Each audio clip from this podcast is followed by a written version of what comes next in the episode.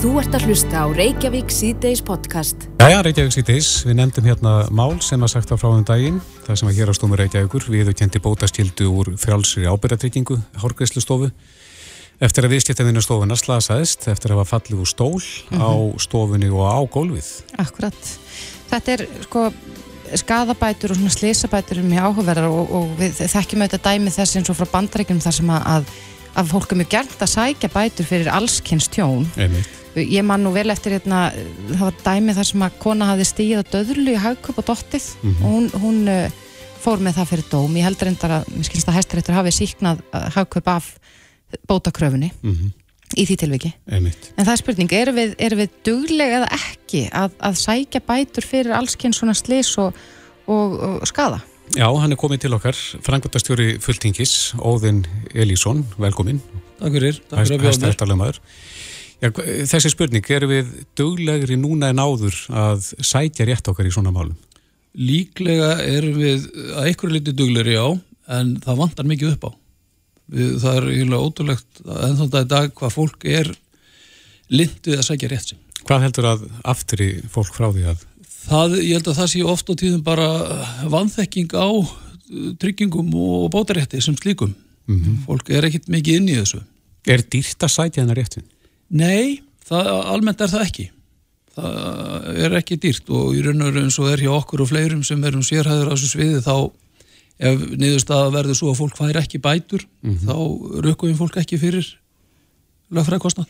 Er það oft sem þið fáið til ykkar fólk sem að villirinn verður þá bera málsitt undir ykkur og, og, og er það þá já, ykkar að segja þetta er galið þetta er ekki að fara lengra með þetta eða, eða taka málið að ykkur? Já, það, við sjáum það með svona aukinni vitund að fólk er að koma og leita rétt að þessu og kanna hvort það eigi rétt og, og þá er mitt ráðlegjum við fólki að við, við teljum þetta sé ekki vitið því að sækja réttin þá bara bendum við fólki á það mm -hmm. og við rökkum fólk ekki fyrir það viðtal Nei. alls ekki. En þú segir ef að, ef að fólk tapar málinu, það fær ekki bætur Já, ef, ef niðurstanum svo það er ekki greita bætur þá, þá rukkum við ekki ef hins vegar mál fyrir fyrir domstóla mm -hmm. þá er málskostnaður Já. sem fólk lendir í að greiða En ef að fólk fær bætur á þess að þetta færi fyrir dóm hvað Já. fáið þið stóran hlut þá af Þá tryggingafélagi í flestu tilvíku greiðir staðist að hlut á því í skadabótamál mm -hmm. en, en þú segir að við mættum vera döglegri Já, er, er ég... þetta allskynnsmál? Er við alla að tala um einhvers konar slis, áreikstra eða, eða bara heilt yfir þegar það kemur að bótum? Já, sko, umfyrirslýsir er náttúrulega mjög stór í þessu og þar hefur uh, vitund fólks aukist um rétt sinn. En það kemur mér anþann dag, dag óvart að sko, við breytum okkar lögum 1988 þannig að aukumenn til dæmis eru tryggðir, slýstir ekki aukum á sveiganda en það er útbreyttur miskilningur af fólk sem er í órétti og slasast í umfyrinni, eigi ekki bótarétt. Og þráttur allar auglýsingarnar og allar umfjölduna þá er ótrúlega stór hluti fólk sem veit ekki að þessum rétti sinu Já, og í þessum málum slýstir ykkur aukom og segja það er ásfrestu til að tilkynum tjónsitt eins og í fleiri tryggingum mm -hmm. þannig að ef þú gerir ekkit í málunum fyrir ári liðið eftir ár, þá ertu mögulega búin að tapa réttinu Akkurat, þannig að maður á ekki að hika Nei. þegar maður lendir í slíku tjónu og þetta er nú já, allskynns áreikstrar og, og, og, og já, í umferðinni þetta er mjög algengt Já, já, og bara bílueldur og allskynnslis mm -hmm. En hvernig komið þið inn í slíkt mál? Já, þetta er, fólk leita til okkar, það er semst við náttúrulega erum með auglísum og fólk þekkir okkar starfsemi og mjög marg, flestir komi í gegnum einhverja sem hafa leitað til okkar og fengið okkar þjónustu. Mm -hmm. Það er lang, lang algjörgrista skýringin og fólk leitar til okkar. Og sjáu þið þá um pappirsvinnuna fyrir fólk? Já, við sjáum bara um ferli frá aðtilu. Eins og ég segja aftur, fólk álvið nóg með það að sinna sjálfu sér og mm -hmm. reyna að leita sjúkurðarþellunar og lækninga og þess að það þarf að gera, þetta er reyna á bata. Mm -hmm. En við sjáum um annað, gagnaöflun og og erum að gera máli tilbúið til þess að þegar það er komið ár frá slísið að rúmlega það og ef fólk er ennþá með enginni þá látum við meta aflengarnar og það mat er síðan líkildin þegar bótakröðum sem þið gert fyrir fólk En þetta er ekki sko öldruð starfskrein hér að, að sérhafa sig í skadabóta rétti, þetta er nú þekkt við erlendis eins og í bandaríkjónum og Breitlandi og viðar? Já, það, sko, það er náttúrulega stór munur á okkur og, og þessum þjóðu sem þú nefndir, er, við viljum kannski ekki fara þángað. Nei, það þetta er kallað ambulance chases í, í bandaríkjónum, svona í háði. Já, hér er það nánast held ég, ég geti sagt, óþekkt útskýrða hans fyrir okkur þetta hugdag að, að elda... Ambulance chaser, það er bara lögmenn sem eru bara nánast á vettvangi og koma og bjóða fólki sem er í blóði sínu þjónustu. Já. Það er ekki mjög hugulegt. Nei. eða finnst okkur en við mættum alveg vera dugleiri eins og að leita réttar okkar eins og ég var að segja á það mm -hmm. klárlega en, en við vorum núna, myndust aðeins á, á þennan dóm sem er fjall í gæri í hérastómi þar sem að já, viðkomandi slasast eftir að falla úr stóla hárgræslustofu er, er þetta svona klassist dæmum það að, að já, kannski að viðhald er ekki synd eða Já, þetta er svona bara dæmum það sem þú ert að leita og við raunum að verða þannig að þegar þú ert að veita þjónustu þá er aukin ábyrð á þér að hlutir sér í lægi þannig að við þekkjum þannig að Dómvel hann hafa lögumar okkar stofu sem að flutti þetta mál og það, það er raun og veru þegar þú ert raun og að laða að þér viðskiptafinni þá þarf þú að hafa svolítið hafa gætur og því að það sé allt í lægi mm -hmm. og geta það sínt fram á að þetta sé ekki eitthvað sem má reykja til eitthvað vanrækslu Er aldrei þetta fólk hugsið bara ah, klöfin ég Ég held að það sé alveg ótrúlega algjörn. Við erum, mm. Íslandingar eru ennþá svolítið svona bændasamfélagi er nálat okkur sko, segi ég miðjum söðbyrði, en það er nálat okkur. Menn svona, þetta gamla sko, meðan báðu fætur og jafn langar skalt óhaldur ganga, það er, það er ríkt í okkur eða þá. Já, en, en eh, við erum þó skári hvað þetta varðar, eins og þú sagði ráðan að við erum kannski í auknum mæla að sækja rétt okkar, en samt er vitundin ekki nægilega mikil. Nei. Það, og bara bara því tryggingar við, sko, við tryggjum bílin okkar því það er lögbóðin trygging. En sjálfstæð starfandi fólk, viðnaða menn og aðrir það er ótrúlega hvað oft eru lélega trygginga þar að baki. Menn eru með einhverja frítímanslistringu í heimlistringunni sinni og halda þessu bara mjög vel treyðir mm -hmm. það er alls ekki svo. Nei. En það getur ekki verið að því séu vinsælir hjá tryggingafélagunum Ég er ekkit vissum að þessu já, píluspjaldi geti verið með mynda okkur okkur sko. En, en nú hefur líka upp á síðkasti mikið verið talað um, um já, allskyns mistök sem á átt sér stað í heilbreyðiskerfinu er, er aukin vitund á þeir, því málefni já, Nú, kannski ég, með aukin umfyllun Já, ég held að sko bara eins og þessi ágæta umfyllin í kveik núna fyrir stuttu það, þar er alveg augljóslega aukin vitund um rétt. Fólk er í auknum mæli fara að leita rétt að síns. Þa, það er alveg klart, við sjáum það bara í okkar starfsemi. Mm -hmm. En þú segir, að, já, en þú segir að það sé ekki mætti verið aldengar að fólk leiti rétt að síns Já. e, Sérstaklega eftir umferðarslís Já, bara alls En hvað myndur að halda margir eh, leiti rétt að síns svona ef við ættum að reyna að slá upp einhverju prósendu Á þeim sem er lenda í tjónum Já, Já kannski erfitt með að svara þessu en ég er hins vegar alveg klárað því að það er ótrúlega stór hópur mm -hmm. sem mhm. gerir það ekki mm -hmm. það er stærri en hinn Ég ætla nú ekki að segja það ég, ég, ég get ekki fullir það, ég er ekki með neina rannsóknin eitt þar að baki, Nei. en bara svona tilfinningin uh, þegar fólk er að koma kannski löngu löngu það er ótrúlega algengt. En það lítur nú að vera margir svona vegri sér við því að sækja rétt sinn út að þeir eru að vera greila kostnæðsamt ferli sem það virðslega getur orðið en, en er það kostnæðsamt að fara í ákveðna frum aðtögun á því hvort að Nei. það sé einhver réttur til staðar? Nei, það er raun og veru eins og ég sagði á, ef nýðustan sko, viðtalin er það að við sjáum það er engin réttur þá rukkum við ekki fyrir það. Nei. Þannig að ég bara hvet fólk til að kanna rétt sinn, það er, það er það kostar ekkert og, og ofta tíðum það á fólk rétt sem það veit ekki um. Ég meina bara dæmi fólk sem slasast í frítíma í ákveðnum starfstjættum eru slýstring og lönnþegar sem gilda líka í frítímaslýsum þannig að það er bæði frítímatryggingin og svo slýstringin í, í gegnum vinnuveitanda. Mm -hmm. og þetta er miklu algengar heldur fólk átt að segja á. Einmitt. Ég hrættur um að mjög loga hjá okkur á morgun. Hrættur um það Óðin Elisson, frangotastjóri fulltingis, kæra þætti fyrir komuna enn og aftur, takk fyrir að bjóða mér. Þú ert að hlusta á Reykjavík C-Days podcast. Í morgun bárast fréttir af því að um, hæstiréttur bandaríkjana hyggist ógilda niðurstuðuna í uh, málnu Rógegn veit mm -hmm. en þetta er mál sem að treyði konum réttin til þungunarofs og uh, þetta er einhver skjöl sem að verast hafa verið lekið.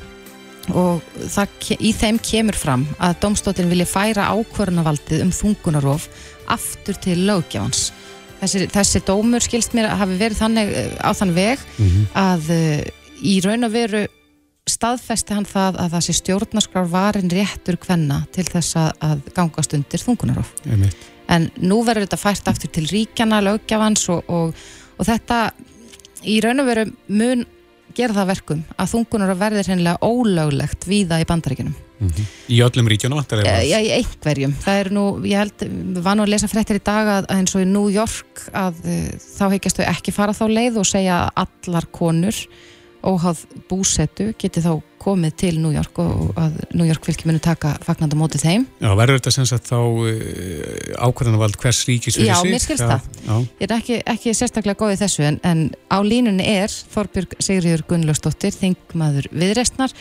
og lögmaður, kom til sæl. Já, sælverið. Já, Þorbjörg, er þetta ekki mikið bakslag í hvernrættinda baráttunni í bandarækjunum? Þetta er sögulegt og ævintýrlegt bakslag uh, ef þessar fréttis eru réttar.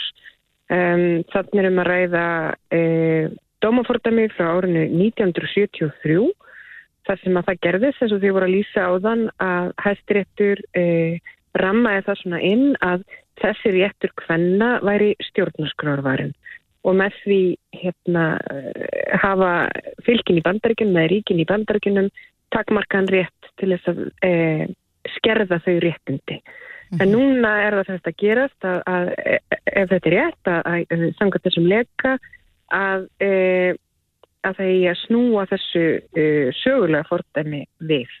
Og ég held þetta sé, eða ég held ekki um það, það er þannig að hlutföllin í hæstirétti eru þannig að það er nýju dómarar. Republikanar eru í dag með sex Um, þar af eru þrýr sem að Donald Trump skipaði uh, hann, hann, hann náði því á sinni fórsetta tíð að, að, að, að það, það losnuðu þrjú sæti.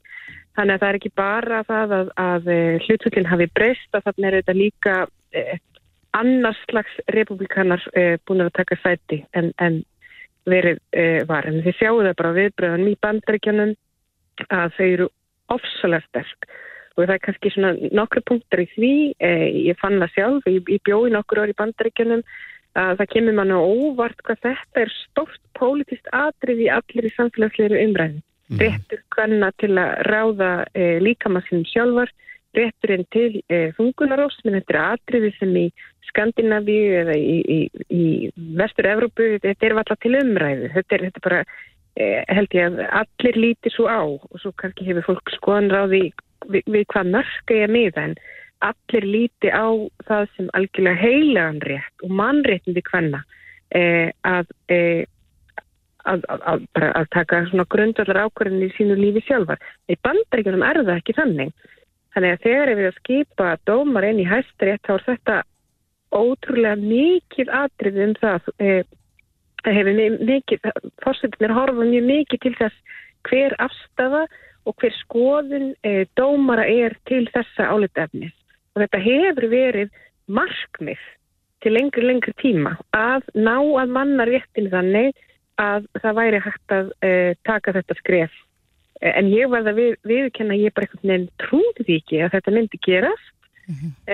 En auðvitað dómara geta sagt sér það svona í baksinspeiklunum með það hvernig rétturinn er skipar Uh, og að við vorum með, uh, eh, bandaríkjumenn vorum með Donald Trump sem fórsetta í fjögur ára að, að það er bara að sína sig að það var ekki fjögur ára katastrófa svo fórsetta tíð mm. uh, því að þessar skipanir hans munu hafa áhrif næstu áratíðina. En af hverju eru svona stýra línur þarna millir hægri og vinstri í þessu máli?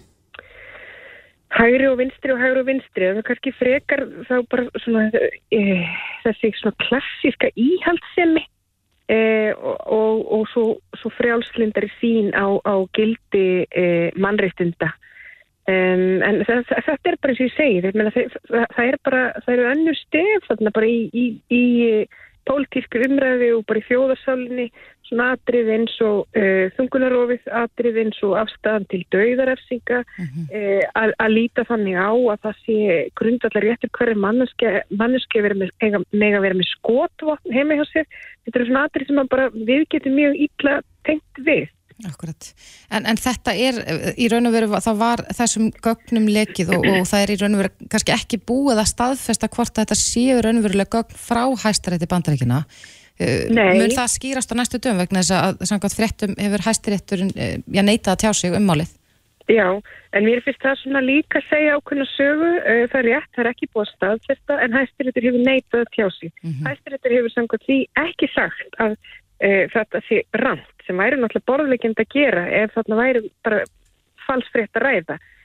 Um, en mér finnst líka lekin vera söguleg tíðindi og, og mikil, mikil tíðindi því að það gerist ekki uh, í domstólum uh, og hvað þá í, í, í, í nú fyllt þessum fréttum að þetta hafi aldrei gert í hæstarétti bandaríkina fyrr leki af þessu tægi og mér Nei. finnst það, segja manni þá sögu líka að það sé stríðs ástand inn í réttinum sjálfum. Mm -hmm. að svona dómar þeir fæðast yfirleitt þannig að það, það e, skrifin á honum geta tekið langan tíma.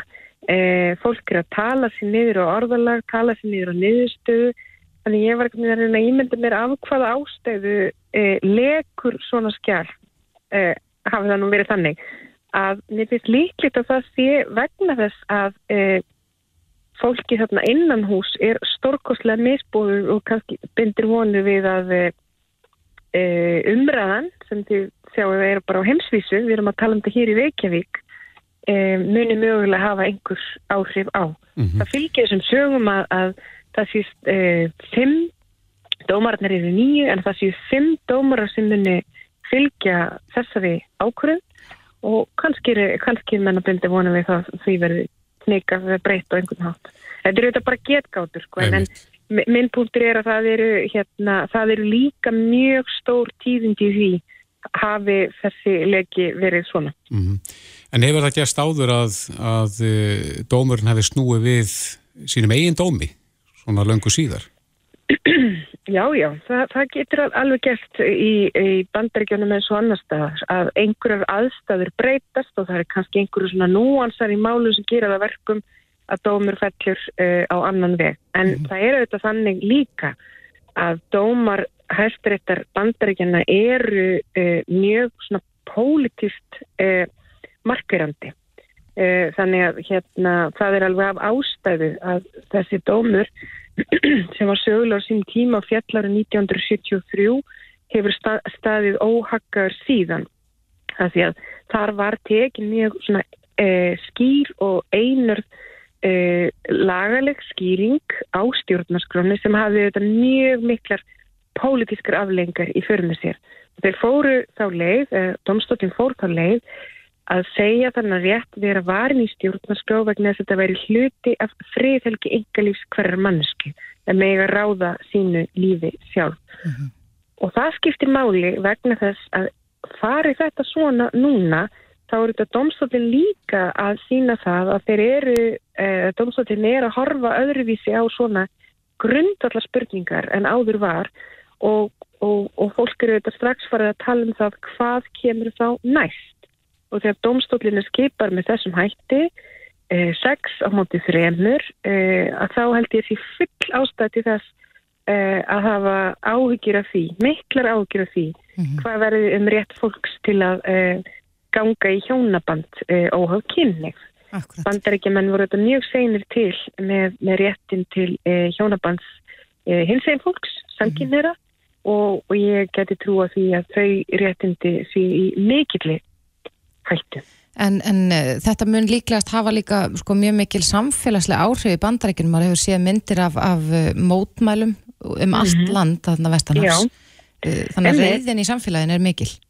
Reyðin er mikil og reyðin er útbreytt og fólk er mjög meðvitað um það að domstólinn steg þetta skref og varði þessi réttindi hvenna þetta ár.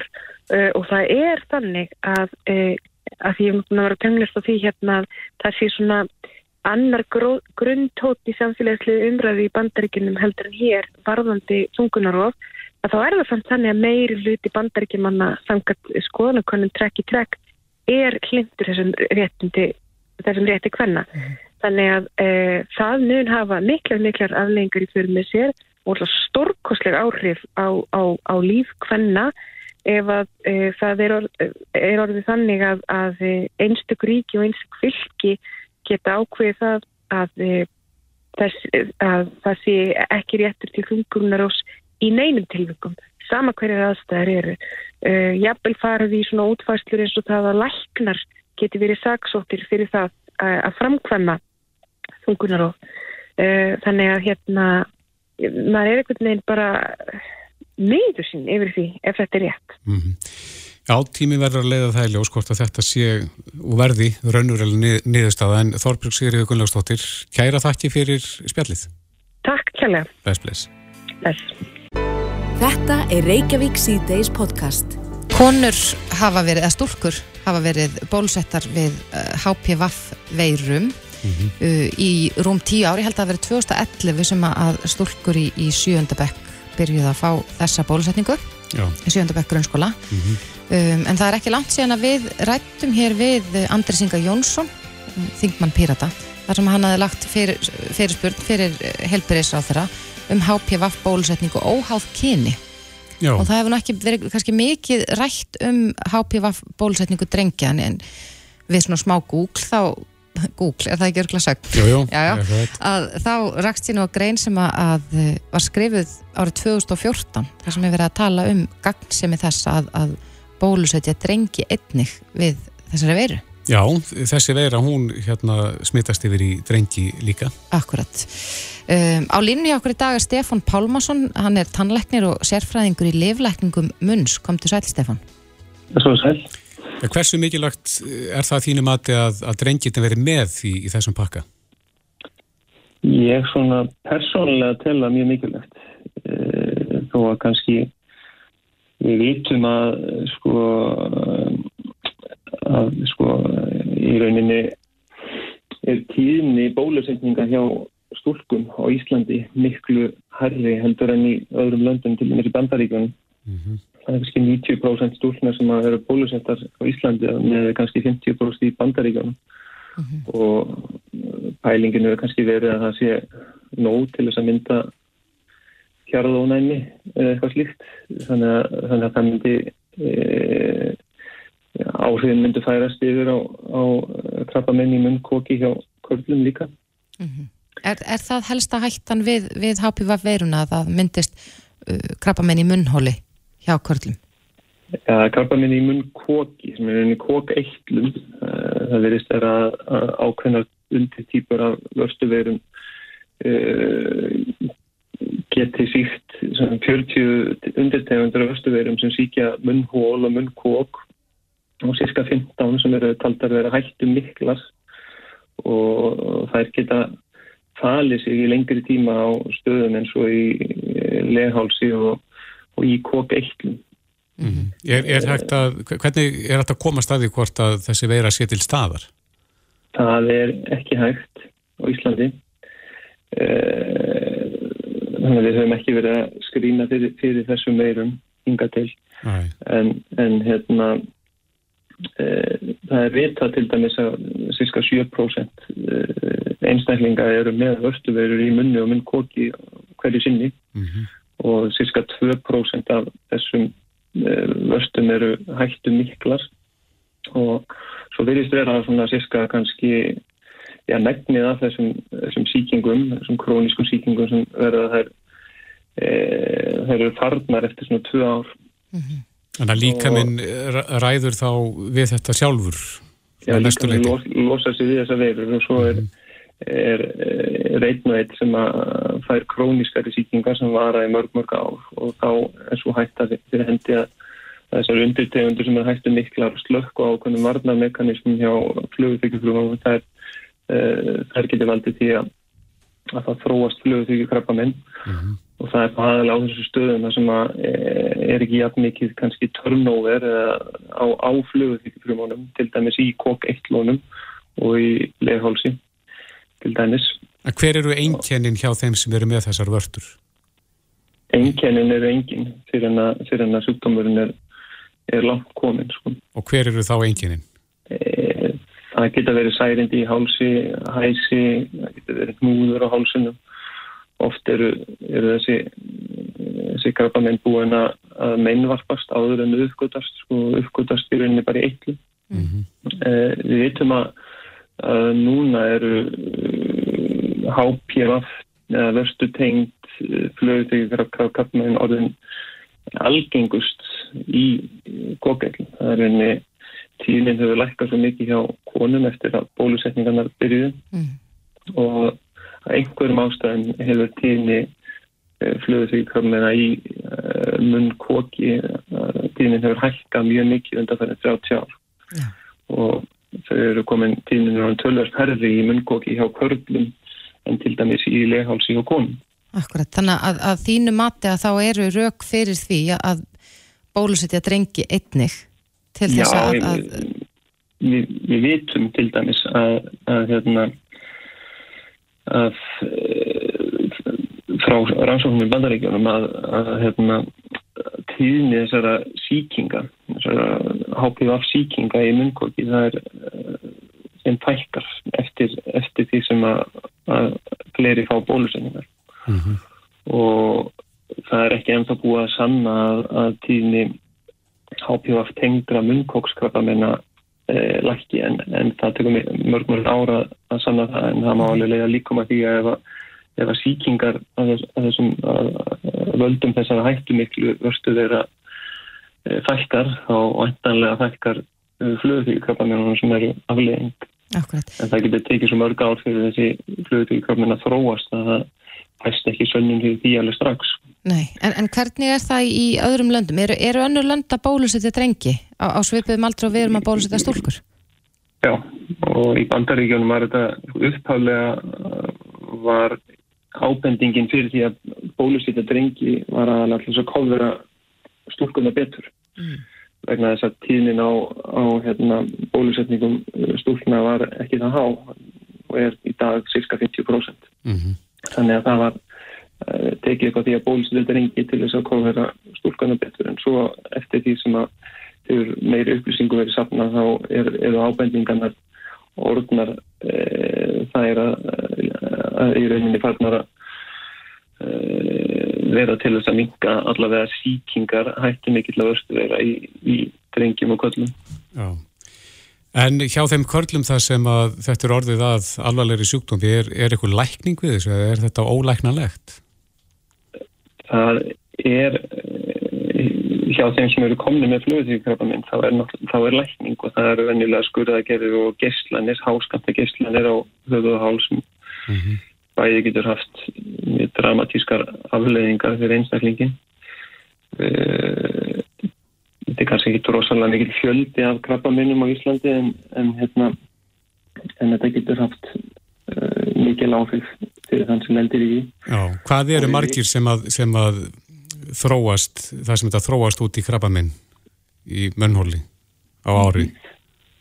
Það er vitum eh, frá rannsóknum bandaríkjum að það er svona sérska átta af hverjum hundra þúsund sem það er uh, hápið aftengt krabbaminn, eða það er bara krabbaminn í innum kók og það talar 70% af þeim séu hápið aftengt mm -hmm.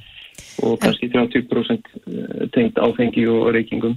Já og við vitum líka að, að konur sem eru eigin menn hvenna sem eru með grens með lehálskrabba menn þeir eru fjóru sinnum líkleri eða þrissunum líkleri til þess að þróa með sér uh, krabba menn í munnkóki og þeir, hjá þeim sem hafa grens með krabba menn á kynfærasvæði þá, þá er sjösunum eru líkur á að þróa með sér krabba menn í munnkóki mm -hmm. og við vitum að bólusetningarna minka e, í tíðnina á þessum hættu miklu vörstu síkingum í munnkóki þannig að það er svona, ég myndi halda að það meikir sens að, að byrja að bólusýta drengi en svo má líka segja að ef allar stúlkur eru bólusettar þá séu drenginni koferaður en við líka vitum það að það er ekki allir drengi sem hafa bara mjög hví stúlkur og, og, og það er það er ekki allir sem að, sem að para sig saman við Íslandinga þannig að mann man vil telja svona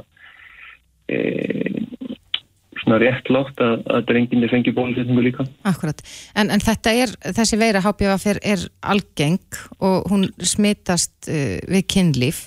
En, en sko fullorðin einstaklingar, nú er bara 10 ári eða 11 ár síðan að við byrjum að bólusetja stúlkur, væri eitthvað gagnið því að fara að bara reynilega fá bólusetningu við þessu á, á svona fullorðinsárum? Það, það er er ábending svona fram að 26 ára aldrei venjulega og svo er nýfarið að bólusetja ákveðna ákveðna einstaklingar sem eru orðinir eldur en 26 ára í bandaríkjum og það er þá venjulega einhverju sem eru sem þá eru er það kannski einstaklingar sem eru búin að vera í sambandi lengi og eru, eru kannski að skilja og, og eru að fara fara kannski að, að á markaðin aftur? Á markaðin aftur eða stundakynlið með, með öðrum aðeilum aftur og, geta þá síkst af þessum, af, af þessum veirum mm -hmm. og þá ræða þeir bara við heimilisleikni sinn og, og heimilisleikni er svona kannski tekur ákvörðum það hvort að, að það sé ábending fyrir því að þetta fólk fari á FHI bólefni mm -hmm. en, en eru heilbreyðis yfirveld hér á landi ekki sammála þessu að það, það ætti líka bólusitja drengi? Það hafi ekki, haf ekki verið það hinga til og líklega eru alveg raukinn fyrir því að það, það sé ekki e, svari ekki kostnaði vegna þess að það sé svo að stelpunar sé svo vel kóðverðar mm -hmm. Er þú sammálað því?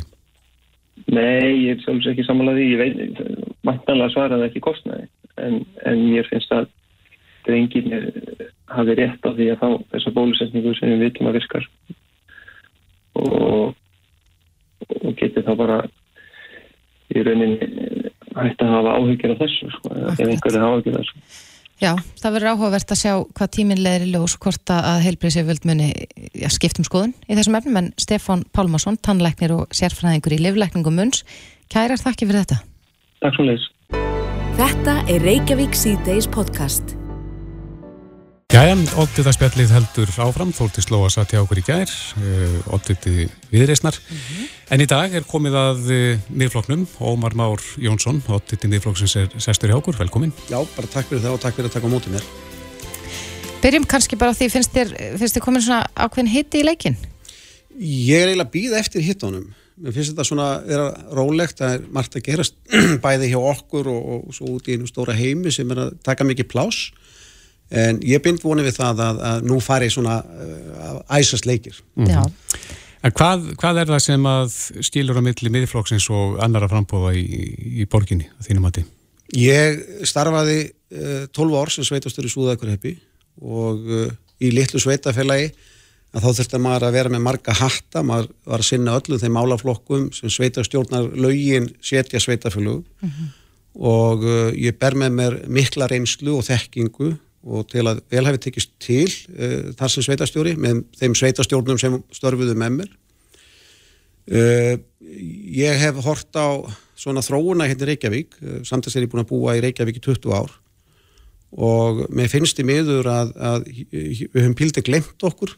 Við erum ekki að sinna eða borgin er ekki að sinna sínum hlutverkum að þeim hætti sem hann ætti að vera að gera. Og mér finnst þetta að vera sínilegt í öllum málaflokkum. Það er alveg sama hvað mann er berið nýður og ég hef svona verið veltaði fyrir mig hvert að sko að, að eh, áherslur hins almenna stjórnmálamanns uh, við sem pildið svona búin að vera feita út. Uh, ég hérna las nú mikið til um stjórnmál hérna í gamla daga og, og þar voru menn, glerharðir og konur líka að berjast fyrir bættum hag íbúana sína gera betur, gera meira. Mm -hmm. og mér finnst pildið eins og við, okkur hefur farið aftur. Eh, ég vil ekki kannski segja það en ég ætla samt að segja það. Þetta er, eh, þetta er svona kannski orðin ákveðin fegurðarsamkettni og uh, mér finnst svona kjarnin hjá stjórnmálamanninum á að vera búa til betra samfélag fyrir alla hópa. Og mér finnst þar kannski okkur hafa svona slegið eitthvað feilnótu og við þurfum að koma okkur aftur á réttabröð mm -hmm. Nú hefur verið svona talað um ímismálefni eh, fyrir þessa kostningar, til dæmis samgöngumálefni við heyrðum það nú hér þegar Þórti Slóa var hjá okkur að það var mikið talað um borgarlínu þegar fólk ringdi inn og, og eh, svona eh, þessar áherslur í, í samgöngumálefnum, hvað standi þið í þeim efnu? Við höfnum borgarlínu við Alfarið? Nei, það er ákveðin hlut punktar í borgarlínunu sem að, sko, þarf að skoða betur og koma sterklega til greina en þessi stóra þunga borgarlína eins og hún hefur verið kynnt þetta er verkefnum okkur 140, 100 til 140 miljardar og þetta gengur út á það að, að taka tölvöld aðgreinum af götukerfunum okkar.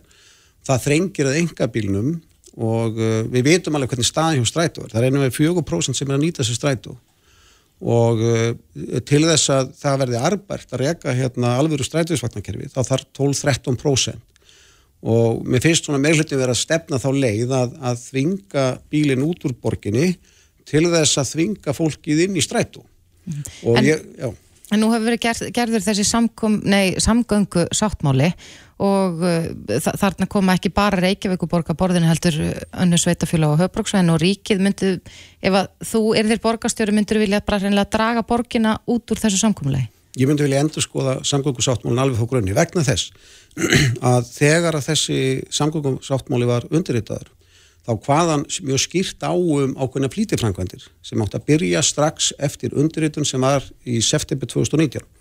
Það gekk út á það að auka umferðaröryggi og minka tafatími í umferðinni. Og hvernig? Það var með því að byggja misla gatnamót, bæta ljósastýringakerfið, bæta flæði umferðarinnar uh, með ákveðin hátt. Og það hefur ekkert af þessu verið gert frá því að þessi sáttmáli væri undirritaður það er verið að fara einhverju alltafra leið uh, og eina sem hann stendur uppi og borgarlínum er ekkert full mótuð í þessum samgókumarsáttmála ég bara fullir í það að uh, fáir sveitarstofnamenn eða almennt íbúar uh, í borginni gerir sér fullkomlega grein fyrir því hvað borgarlínan gengur út á. Og ég tel í rauninni að það þurfa að vanda miklu betur til verka við að kynna borgarlínuna hvernig hún á að lítu út í lokin fyrir íbúum og fyrir sveitarstofnarfólki til þess að sé hægt að taka góða ákvörðun byggt á þeim upplýsingum þá líka fyrir og vilja íbúana sjálfra. Mm, ef ég stilir rétt að þá er þið hlind borgarlínu ef það er ekki þrengt að engabílum, er, er það rétt, réttu stilningur? Uh, við erum hlind, já, það má segja að það er sem hlind ákvörnum hluta borgarlínunar sem mm. er að tengja saman sveitafélögin uh, en þetta, uh, þessi borgarlína eins og, eins og hún er kynnt í dag, hún er allt annað. Hún gengur miklu lengra. Suðurlandsbröðin hérna sem við erum við, það eru þrjára agreinari hvora átt að þá að fækka þeim fyrir, fyrir vagna. Og það þýðir það að, að og hér er búið að vera byggjubílu auðvitaðlum gríðarlega uh, mikið, uh, þetta byggð og meira. Uh, það mun fjölga hérna fólki uh, eru íbúar í því hverfi tilbúin til að vera bílusir maður velti því fyrir sér mm -hmm. En, en fyrst og nú minnist á, á sko, að það vera þetta byggð hér í lögadalum, hvað standi í þeim málum? það er sjálfsagt að þetta byggð og það er mjög jákvægt og er að takast ákveðlega en það hefur verið gert bara þannig að fastnamarkan hefur verið læður í rúst uh, á sama tíma. Það hefur ekki verið skipulag sem félur í sér að uh, horfa til lengri tíma og að uh, flýta byggingu á skipulöðu svæðum og að skipuleika fleiri hverfi. Þar er vandin í dag og það er svona erum við að sjá þennan þess að fastna bólu sem hefur myndast hérna á síðast ári og heldur áfram. Og það er allt útlýttur það að hún haldi áfram hérna í einhver ári viðbútt og þetta er að leiða til þess að við erum að visa að fá okkur ungt fólk, það er að flytja hérna í nákvæmlega sem er bara gott fyrir nákvæmlega sveitafélagin en, en, en við líka horfum á það að, að, að, eh, íbúa samsetningin eða aldur samsetning borgarn er, er að breytast rosalega hratt. Og við erum eldast í borginni.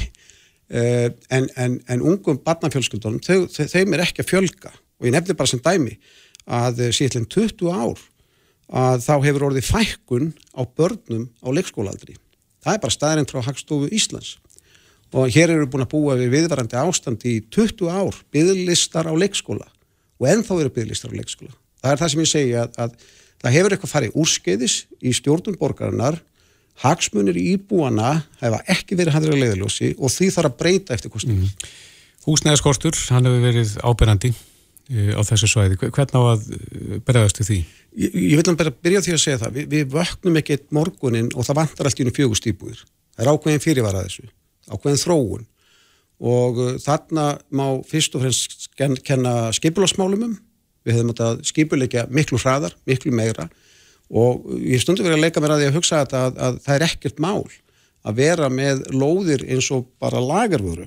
Þannig að til þess að, að borgin sé betri stöðu til þess að bregðast við í rauninni þessu ástandi sem við erum alltaf, þessum sveiplum sem er á markaðinum.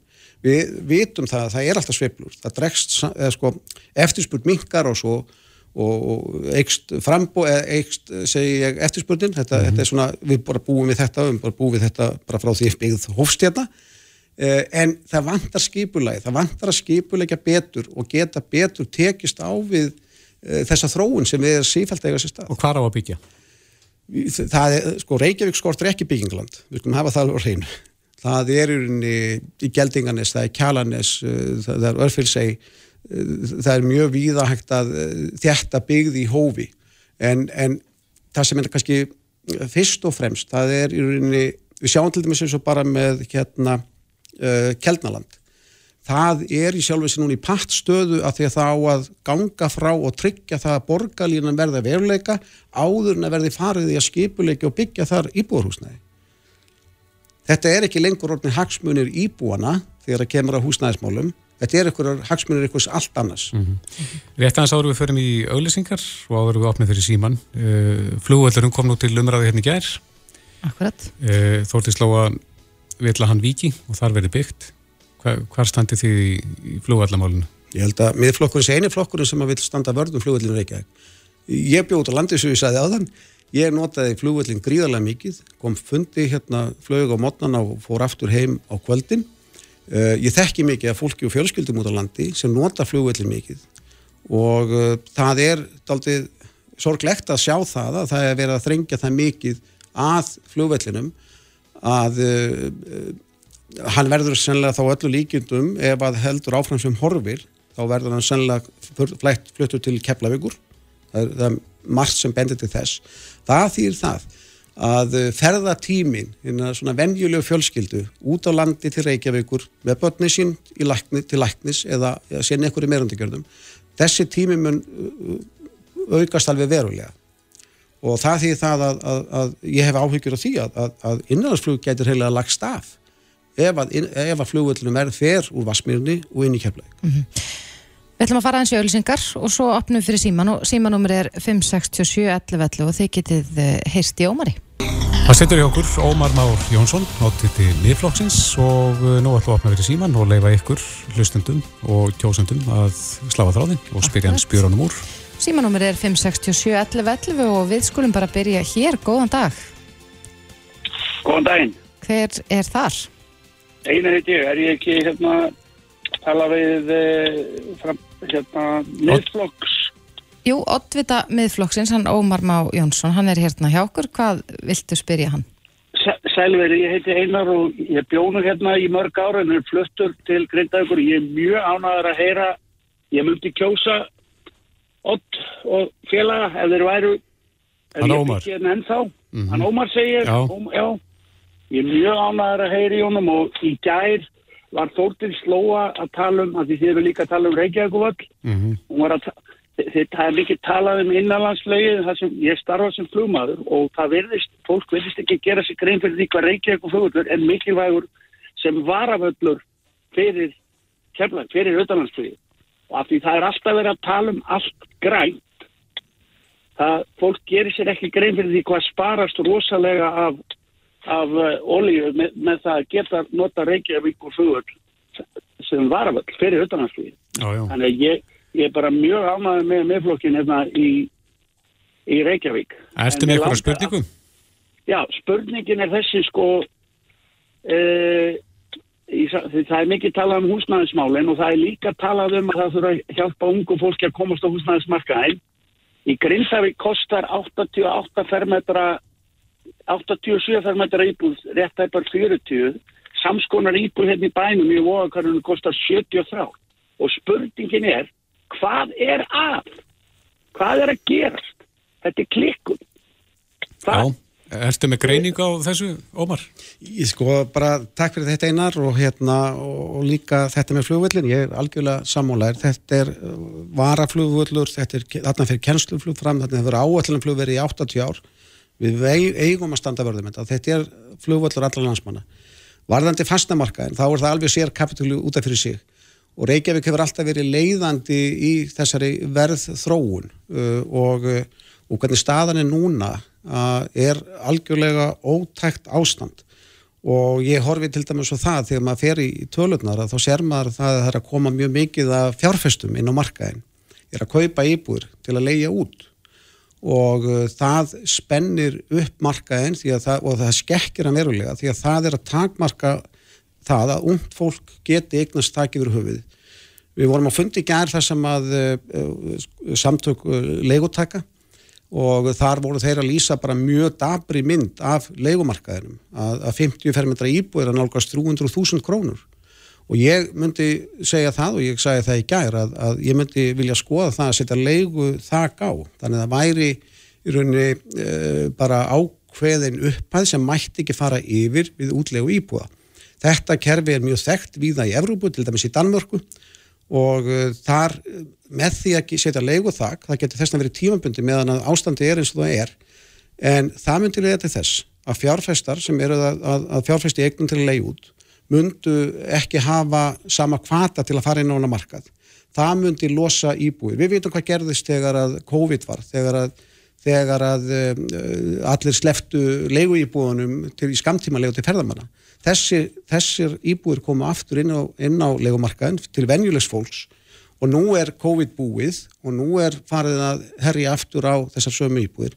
Það myndar ennþá meiri spennu á þessu legumarkaði og fastnamarkaðinum yfir höfuð.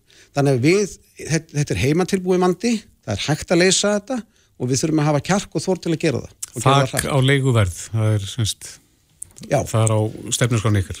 Í allan daginn, mm. vegna þess að, að sko, við verðum að grípa inn það. Við getum ekki búið þennan markað eða þennan sko, fastna markað eins og hann er til næstu fjagra, fimm ára. Mm. Við sjáum það öll. Já, þá er það bara næsta lína. Góðan dag. Já, góðan daginn. Hver er maðurinn? Herðu, þetta er hann Andri, heitir ég. Sætla Andri, erstu með spurningu? Ég ætla að spurja hérna, ung fólk er núna búin að vera mikið í umræðinu hjá miðfloknum. Er þetta hópur sem þið ætlaði að berjast fyrir?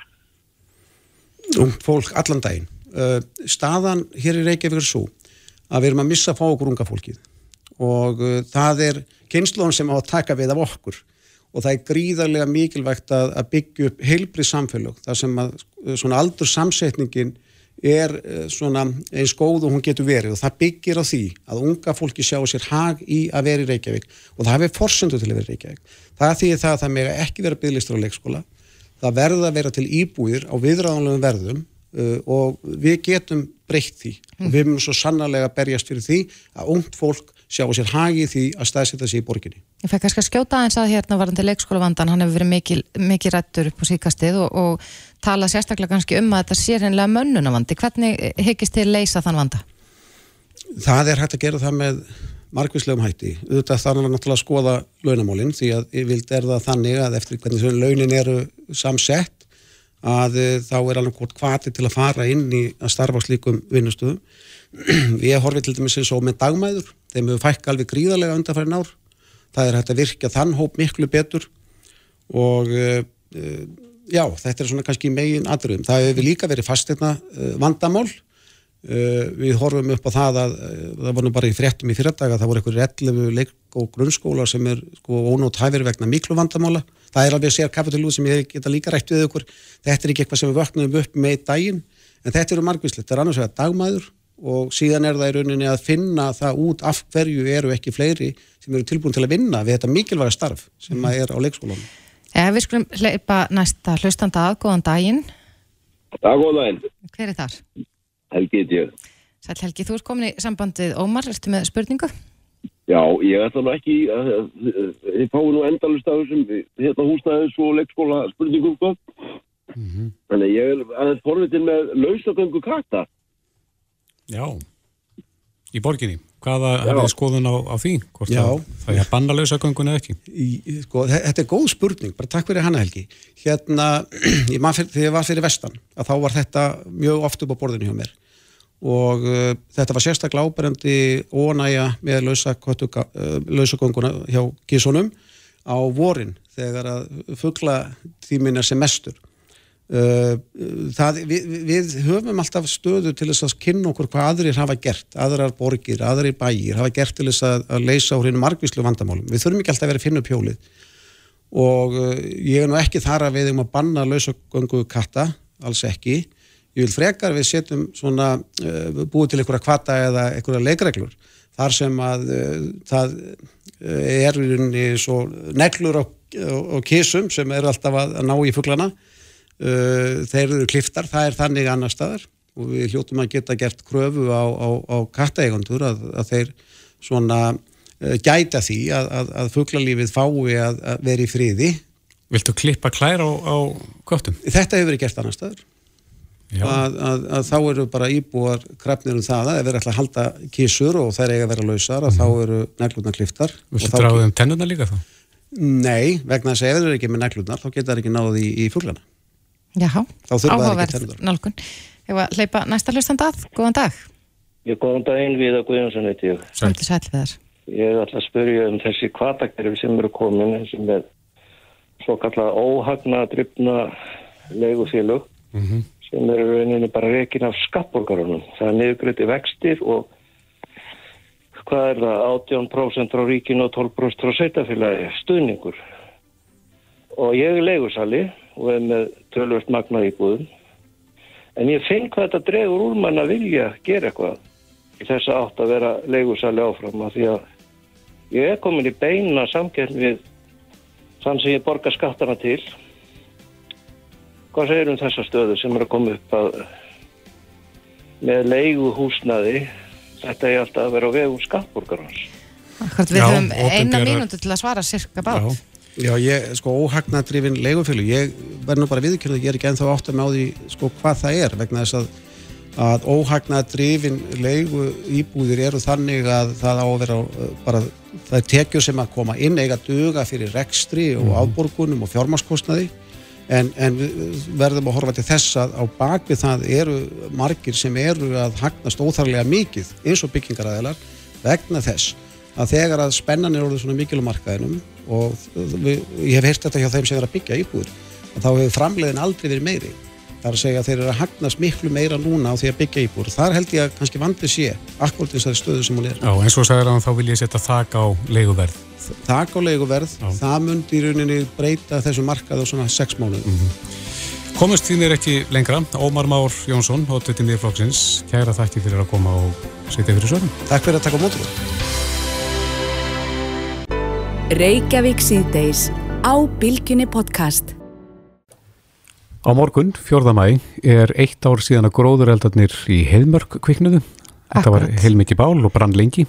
Já, þetta voru, voru já, verstu gróðureldar í, í heilmörk frá upphafi. Já. Og þetta var gríðilega stórt svæði, 56,5 hektarar samkvæmt nákvæmum mælingum náttúrufræðstofnar Íslands. Mm -hmm. En það var mjög þurft uh, síðasta sömar og uh, einhvern veginn hefði maður á tilfinningunni að að gróður sé og hafi verið með þurr og það færist í aukana. Mm -hmm. Og það var líka áhugavert að fylgjast með fréttum svona í kjölfarið af, af sko, gróðureldunum í heimörk að já, slökkvilið á höfuborgarsvæðinu var, var fjölmörg útköll mm -hmm. út af sinubruna og fleira á þessu tímbilinu í byrjun mæja og síðast ári. Já. En á línunni er slökkvilistjórin í Árnessíslu, Pétur Pétursson, sem að er nú á mjög þurru svæði og viðfemu, þarna er einstaksta sömarhúsabyggð landsins, Sæl Pétur. Sæl, veriði. Já, er þetta ekki eh, viðvarandi vandamál þar að segja þurkar og þurr gróður? Jú, það er það og það virðist vera þannig að það sé að hlýna hjá okkur á þessum, þessum líftíma okkar núna, þessar þessa fólk sem er til í dag og uh, við erum að sjá bæði þetta þurka á vorin, sem gróðurinn er mjög þurr, en ekki bara það, það er líka á sumrin ef við fáum langa þurkatíma þar, þó svo gróður sjóðin grætt og löfgaður þá er mikil eldætta líka á þurkatímum og mhm. svo höfum við verið að horfa á tíma líka eins og bara há vetur við horfum á síðustu áramót fyrir árumsýslu hjá okkur þar sem að bókstæli allt fór hlýðina Akkurat. Þarf mikið til þess að, að já, til dæmis sinubrunni fara að stað? Núna er náttúrulega mjög heppin akkurat í dag því það er regning í dag og búið að vera hlýtt þannig að við náum hérna græna undirgróðurinn fyrra stað vonandi En þegar að bara sólinn skín og vindur blæs að þá kannski tveim þennum tímum þá er þetta bara þorðnað og þá er sína núna þannig, hún er, hún er hóla innan mikið og, og þorðnar alveg á auðabræði og þá er bara verulega eldfinnst ástand. Þannig að fólk þarf að fara virkilega varlega og alveg sérstaklega á þessum ástíma. Mm -hmm. En höfðu þið lært eitthvað? Er verið að reyna að finna eitthvað mótsvar við þessu? Sko það er mikið gangivarandi fræðslu til fólks. Það er hérna húsnæðar sem mannverkjastofnun er búin að fara í heilmikið áttak varandi með slökkuliðunum, varandi varnir við gróðureldum og, og, og slökkuliðin auðvitað líka að halda fyrirlestra átum allt og reyna að kynna á sínum heimasíðum. en svona líkitinn af þessu öllu er að við ættum á okkur sjálf. Séum ekki með þessa hugsun að það kom alltaf einhver annar og bjargi málunum. Við fyrsta lagi berum ábyrð á okkar eigin öryggi, hva, hver sem ég er og hvað sem ég heiti og við berum ábyrð á öryggi þeirra sem er í kringum okkur og þurfum því að sína ábyrga hefðun meðferð elds eða búnaðar sem getur leitt af sér eld mm -hmm. En þegar að svona eldar kvikna, hvað, hvað er það yfirleitt sem að kveikir þá? Flestir gróður eld að verða mannavöldum á einnig annan hátt en það er ekki þar með sagt að það sé viljandi verið að kveika í sinnu e, Það er til sveita gerist það ofta að það er verið að brenna rusli, hreinlega, timbri einhver öðru og þegar að Mjög þurft er að þá auðvitað fíkur glóð frá öllum svona eldum, hvað sem er mennir að brenni í játtunnu eða bara opnu hérna, malarbúða, opnu malarbúða. Mm -hmm. Og það, við fengum bara svoleiðis heldum daginn hérna í, í okkar sveit og það er alls ekki óalgengt að það gerist, það sé bara fjúkandi glóð. Mm -hmm. Það er nú eiginlega alveg búið að bændur sé að brenna sínu á túnunum sínum, það allir oft til með kluvandræðum. Við erum síðan að horfa á hérna, það er sérstaklega yfir sumartíman það eru þessi einnóta grill mm -hmm. sem að fólk geng, gengur ekki alveg nógu að ganga frá Reykingar hafa minga mikið hjá landsmönnum þannig að það er ekki eins algengt að síðan verða eldar hjá okkur í Íslandi út, út frá síkaretustöpum það gerist þó alltaf á og til En gæti einn ein stöpur orsakað stóran sinnubruna? Svo sannarlega það er hérna Það tala ekki um ef, ef það er þurft og ef það er bara dálið til góla þá magnar það upp glóðina í síkertustöfnum og það getur allt farið í voða og hefur alveg gerst sko. Og við hefum stundum hort á eins og núna undarfærið þennan gróðaraldi heiðnörg sem var náttúrulega svakalegt verkefni fyrir slöpur höfðborgarsæðisins og fleiri lið sem að komi tegntala stór þar á meðal menn hérna frá okkur, frá okkur með marginsíslu. Mm -hmm. Það svona svæði eins og við horfum á á landina þar sem eru sumarús innan um trían þar getum við verið að horfa á bara verulega hættu og verið gríðilegt eignatjón. Og þá er alls ekki að gera lítið út í tjónu sem verði í, í heilmörk heldur bara ef við erum með fastegnir síðan inn á milli. Þannig að það er full ástæð til þess að fara varlega og þetta er ekki bara svona einhvað kvak í okkur.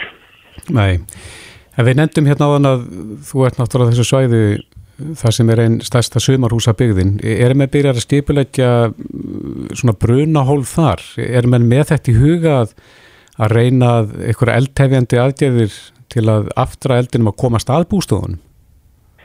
Já, það er heilmikið í gangi með það og sérstaklega núna varandi skipulegningu nýrra sumarhúsasvæða þar sem hefur verið að tryggja þessi tvær flóta leiður og, og, og, hérna, og fjallaðum hvernig byrja plant út trjám og annað En við auðvitað búum við það að það er svo mikið af gömlum sumarsvæðin hjá okkur. Og mörg sumarsvæðfélag á þeim stöðum hefur verið að taka til hjá sér og setja aðra flótta leið og gæta því að klippa tréin og styrkja vegina þannig að við getum komið á slökkubílunum. En það er heilmikið starfsamt þar eftir og það er svona verkefni sem kannski klárast heldur aldrei alveg.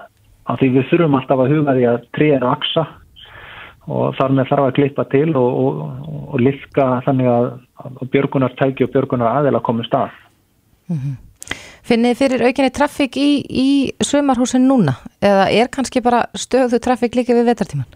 Já, á okkar svæði hér í Árnissíslu, hún náttúrulega er svo stutt frá höfuborginni, þannig að það er eiginlega rangnefn að kalla þetta sömarhús, þetta eru helsashús og fólki er hér meir og minna allar helgar og við sjáum það bara á förstu dögum og svo sunnundaskvöldum að þá fyllast veginnir hérna. Þjóðuður eitt um, hérna æðin sem liggur til Reykjavíkur hún fyllist á bílum og fólki sem er á leiðinni til og frá. Mm, Akkurat. En þetta er eitthvað sem við þurfum að hafa í huga og sérstaklega núna uh, þessi bruni sem var fyrir árið síðan minnir okkur á það. Já, sannarlega. Og bara skildum hafa þetta mjög ofarlega í huga. Já Akkurat. Já, Pétur Pétursson, slökkulistjóri Brunavarna Árnesíslu, kærar þakki fyrir þetta. Takk sem er leiðis. Reykjavík síðdeis á Bilginni podcast. Það er nú oft uh, þannig að við hér á söðvesturhorninu öfundum svolítið fólki fyrir norðan, mm -hmm. kannski norðaustan og austan, svona, oft er, er hlýra þar og betra veður. Og, yfir sumartíman. Yfir sumartíman mm -hmm. og, og uh, akureyringar er nú alveg dugleira að tala um hversu gott veðrið er þar. Grappa sér svolítið að því. Já, mm -hmm. en, en ég get ekki sagt að ég öfundi þá núna vegna þess að hvíti jörð beigð akureyringa og nærsvitunga þegar þeir reysu rekki í morgun. Nei, þeir fá það vantarlega þetta launaði í sumar, eða hvað? Það getur verið. Einar Sveinbjörnsson hjá veðurvaktinni og blíku.is er á línni. Sæl? Blessuð. Er þetta óvanalegt að það snjói svona mikið á þessum ástíma fyrir norðan? Nei, þetta er ekki óvanalegt og það snjóa heldur ekki mikið.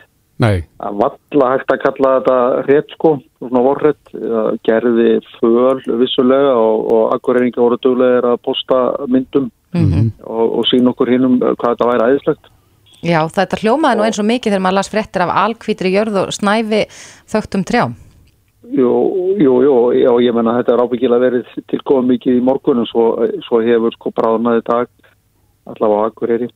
Ég heyri í vegagerðinni og, og þeir svona bara voru náttúrulega ekki að geta sér upp við þetta. Það var ekkit mála að senda bara tækin út og, og hreinsa. Það var ekki ófarið að vandraði. Nei. Það var svona krapi og snjór. Er þetta það sem koma skal núna næstu dag? Uh, ég skal ekki segja sko, það er ekkit óalgengt að við fáum í framanna mæmánuði svona almennileg vorhlett. Er þetta páskarhetti sem að var beðið eftir? Já, páskarhetti var þetta löngubúnið sko, og voru komin í annan kabla og, og þegar, að, þegar að menn er að vonast eftir því að það var að grenga og, og, og sömarið handað við hodni þá vilja menn helst ekki fá svona hlut allavega ekki þannig að það fristi að ráði og ger ekki það, þannig snjó að það myndist ófærið eða, eða að það taki, taki fyrir beit til þess. Mm -hmm. En, en sko það eru þetta svalara og það er kallt loft sem að lúrir hérna fyrir Norðanlandi og, og, og býður eftir að, að, að beinast til landsins. Og það er búið að vera þannig undanfarnar vikur. En það hefur ekkert náðu fyrir alveg núna, það nær hérna leka yfir. Mm -hmm. og reyndar, reyndar byrjaði fyrir þetta eh, hins vegar að þá sjáum við einhverja að, aðra á svipa aðra á skerast hérna á, á 50 dags nákvæmt spánum Mm -hmm. að þá næði norðanátt hér inn og, og, og það er ekki tíður hérna vestarland sem gæti þá snjóað á fjallvegum á 15. skvöldið og, og ef óhefninni með okkur þá getur snjóað líka á höfuborgarsvæðinu Já, á 15. daginn Ég sagði, ég sagði ef óhefninni með okkur Já, akkurat, hún er nú stundu með okkur Já, það er að sjá 15. skvöld En e, Suðurlandið og Östfyrðir Hvernig koma þeir út úr þessu næstu dag? Nei, ég held að það sleppir nú mestu liti. Það hefur nú, eins og sé, það hefur frist um Norðanverðlandi og Norðaustanverðlandi og, og líki borgarfyrði. Það hefur alveg sloppið við næturfrost til dæmis á Suðasturlandi og Östur með Suðustrandinni, ekki alveg í uppsveitunum. Mm -hmm. Ég held að það sleppir nú svona mestu liti á, á, á þeim slóðum og það er mikill munur á millir Suður og Norðurlands þessa dagana. Já, en einar, hvað, hvað segja langtíma spár? Er, er komið vor? Jafnvel sumar? Já, það sko þetta stendur fram á 50 dag og förstu dag svona þessi hvað það setja kalda frávik eða, eða þetta hík á vorkomunni og síðan er ekki að sjá annað en að þetta eh, verða aftur söglægir og þeir bæja þessum kulda frá sem er hérna fyrir Norðanlandi eða haldunum allavega í skefjum mm -hmm. og það, það verða þær breytingur um helgin og fram eftir næstu vikum. Já, en þessi gula, hvenar sérst hún?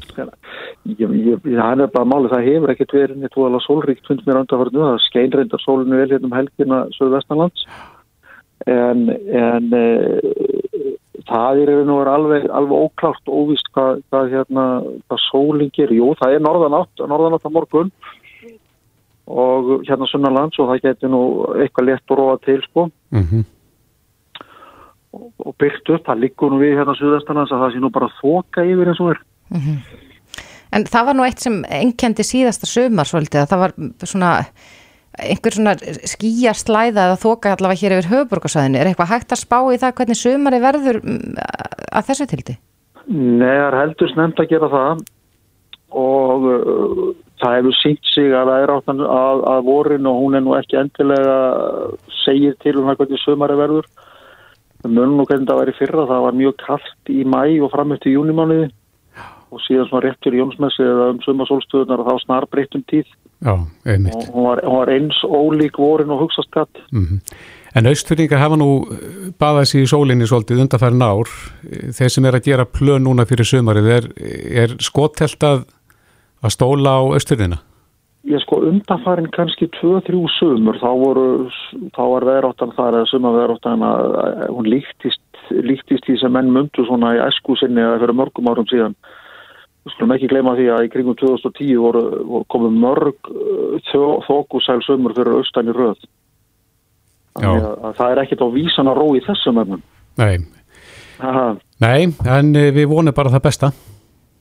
Gera það alltaf. Að, treystum á, á pínu svalt við núna næstu daga en, en svo rofa til segiru. Já, það er allt saman eðlilegt og einan eðlilega marka með því sem við erum að vennjast hér og, og þá fyrst að, að, að vorkoman ætlar að vera línulega jöfn og hæg, þá er eitthvað að. Já, akkurat. Einar Sveinbjörnsson hjá viðvaktinu og blika.is. Takk fyrir þetta. Takk, takk. Og þá vorum við bara að sigla í mark. Já, við fyrir að skipta yfir á frettastána eftir örskama stund en verðum að sjálfsögðu aftur hér á morgun á slæðinu klukkan fjögur. Já, höfum komið viða við þetta og við minnum á það að viðtölinn er öll komin inn á vísi.is og svo er þetta að hlusta þau gegnum Bilgju appið. En Þórdís Bræi og Kristófer þakka verið sig í dag, hér aftur á ferðinni klukkan fjögur á morgun. Verðið sæl. Hlustaðu hvena sem er á Reykjavík C-Days podcast.